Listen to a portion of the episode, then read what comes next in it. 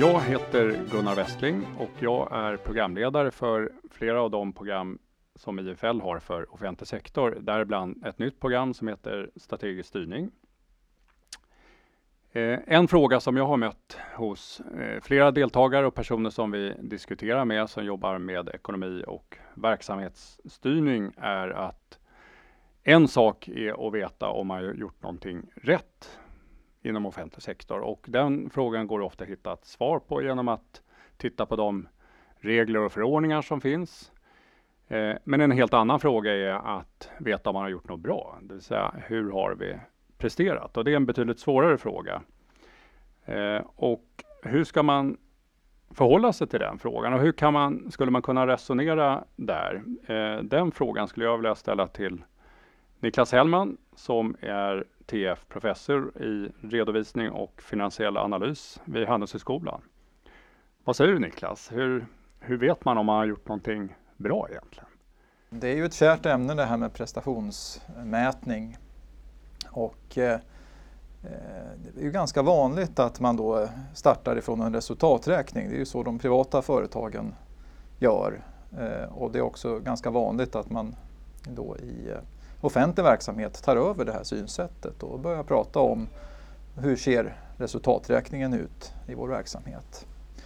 Och där tror jag det är viktigt att inte oreflekterat ta över företagens synsätt och börja prata om att resultatet på sista raden eller budget i balans är, den här, det är det här måttet på en bra prestation. Det är ju så att resultaträkningen den bygger på den här idén att intäkterna fångar värdet av verksamhetens prestationer för kunderna medan kostnaderna återspeglar värdet av de resurser som används för att skapa de här prestationerna. Och sen blir vinsten ett motto på effektiviteten i resursanvändning eller hur bra man är på att leverera kundprestationer. Men vad händer då om intäkten inte fångar kundprestationen på ett bra sätt? En vanlig modell är ju till exempel att eh, man som kund eller om vi då pratar om en museibesökare eller en patient eller, eller så betalar en avgift som är långt under värdet eh, av den här prestationen och sen får man någon typ av anslag eller så från, från sin huvudman. Eh, då blir det svårt att följa upp hur väl man har presterat när man sen då tittar på resultatet och mm. säger här blev ett nollresultat men man har i, i grunden inte en, en bra mått på, på intäkten till att börja med. Eh, så den här grundförutsättningen för att resultaträkningen ska fungera som verktyg för prestationsmätning den är ju ofta inte uppfyllda och då löper man risken både att inte leverera tillräckligt goda kundprestationer och samtidigt att inte vara tillräckligt resurseffektiv. Och det du säger är egentligen att man försöker ibland mäta någonting inom offentlig sektor som inte är riktigt möjligt att mäta. Precis, och då kan man hamna i den andra extremen så att säga att det, det fungerar inte med de ekonomiska mm. måtten och så går man över då till olika kvalitativa mått och börjar prata om att ja, men nu ska vi mäta hur många museibesökare hade vi här? Mm. Eller hur nöjda var museibesökarna som kom? Ehm, och det tror jag inte heller är riktigt lösningen fullt mm. ut, att, att, bara gå över till de kvalitativa måtten. Därför att eh, det är ju ändå så att ekonomi handlar om hushållning med resurser. Mm. Och det är nödvändigt att hitta prestationsmått där man på olika sätt ställer verksamhetens output eh, mot de resurser som man har till förfogande. Mm. Så eh, en, eh, att oreflekterat använda resultaträkningen eh, kommer inte bli bra. Å andra sidan att, att ensidigt använda bara kvalitativa mått eh, tror jag inte fungerar heller. Utan det gäller att hitta en kombination här. Och hur kan man resonera sig fram till det där? Det, det är ju inte alldeles så komplicerat. Det är det inte. Det här är väldigt svårt. Ja. Det, är, det, det, blir väldigt eh, svårt när man då inte har marknadsmässiga relationer eh, helt och hållet här utan man har Eh, ska göra någonting för, för skattemedel eh, som både så att säga har en samhällsnytta men samtidigt måste skötas resurseffektivt. Mm. Och, och det, det, är, det finns inga enkla svar utan man måste gå in i varje verksamhet här och, och utvärdera och se hur hittar man en bra kombination av att mm. mäta effektivt resursanvändande och prestationer eh, för sina avnämare, brukare, kunder, vad man nu kallar det för. Hur kan man börja ett sånt där resonemang tror du? För att börja liksom rama in vad det skulle kunna handla om och vad som är meningsfullt också i verksamheten? Ja, vi brukar ju ofta börja med ändå att, att se på då hur verksamheten i nuläget följer upp mm. eh, sina, sina prestationer. Eh, och, och, ofta har man då en, en resultaträkning med något mål av typen budget i balans mm. eller ett visst resultat.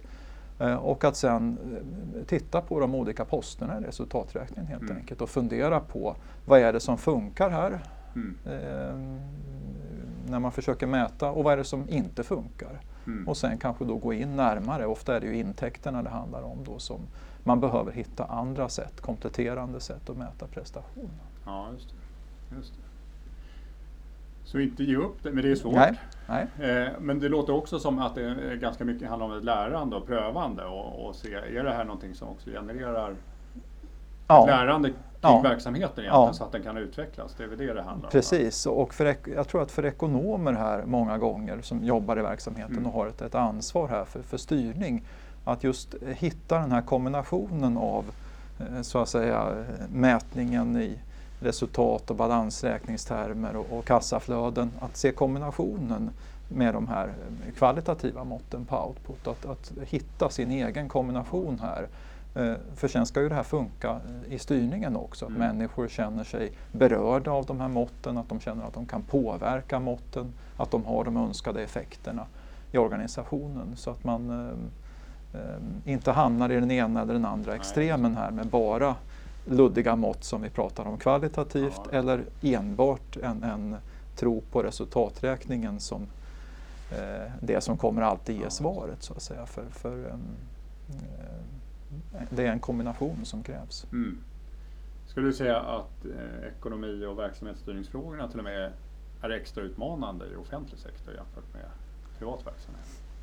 Ja, det är i alla fall annorlunda utmaningar och eh, min erfarenhet är, är den att i de organisationer som, som vi har jobbat med så, så är det ofta väldigt stora utmaningar att, mm. att hitta, hitta eh, de här kombinationerna i, offentlig, i offentliga verksamheter. Vi har ju resonerat här om prestation och, och men också utmaningarna att försöka eh, hitta vad det kan vara i offentlig verksamhet och hur man kan mäta det. Och jag tänker en sån här diskussion som vi ofta har är, ju också vilken roll ska ekonomen ta egentligen i offentlig verksamhet?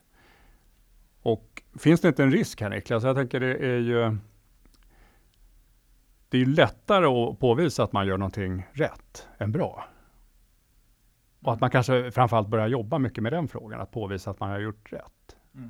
Det är ofta så att man då känner sig trygg mm. i, i det här ekonomiska språket. Om man nu är ekonom mm. så ja, resultaträkningar och balansräkningar och kassaflöden och hur man mäter. Eh, där känner man en trygghet och det är alltid så att man startar gärna från det man känner sig trygg med och, och sen går vidare. Så, så att visst, visst, finns den, den risken att man, då, att man då stannar där. Ja, just det.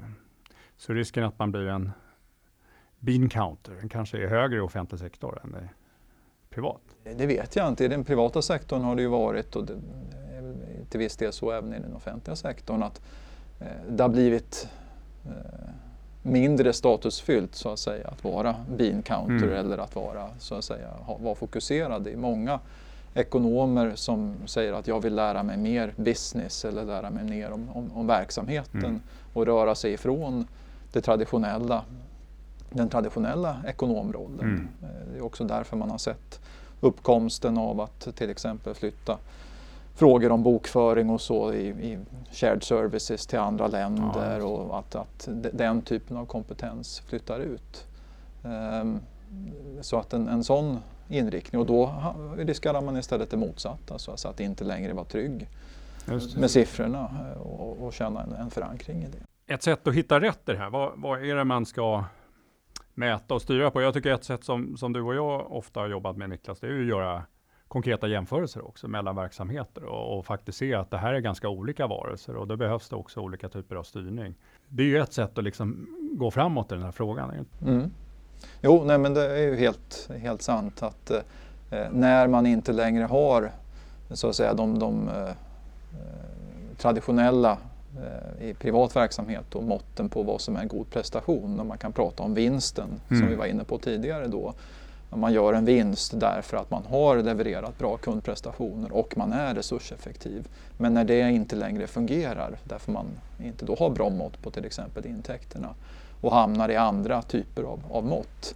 Hur ska man då utvärdera prestationen? Och då är det ju precis som du är inne på här eh, att man eh, drar stor nytta av jämförelser. Mm. Eh, och jämför mått mellan verksamheter för att få en indikation på till exempel vad är möjligt att uppnå för en verksamhet i relation till andra verksamheter. Det, det pågår till exempel jämförelser mellan sjukhus. Mm.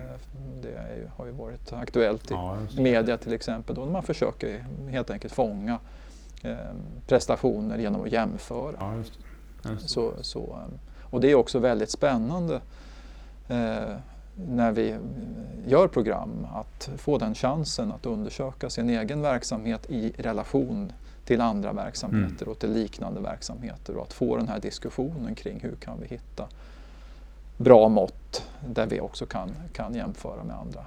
Och för mig handlar det där mycket om att se skogen istället för träden. Därför är det också lätt tror jag när man jobbar med ekonomi och verksamhetsstyrning att det hamnar på det enskilda istället för helheten. Och, och just de här jämförelserna, att se sig själv i skenet av andra, och plötsligt så ser man ju mer en helhetsbild. Och, mm det som ofta händer just när man börjar jämföra så här, att, att man ser att det skapar en väldig nyfikenhet och ett engagemang mm.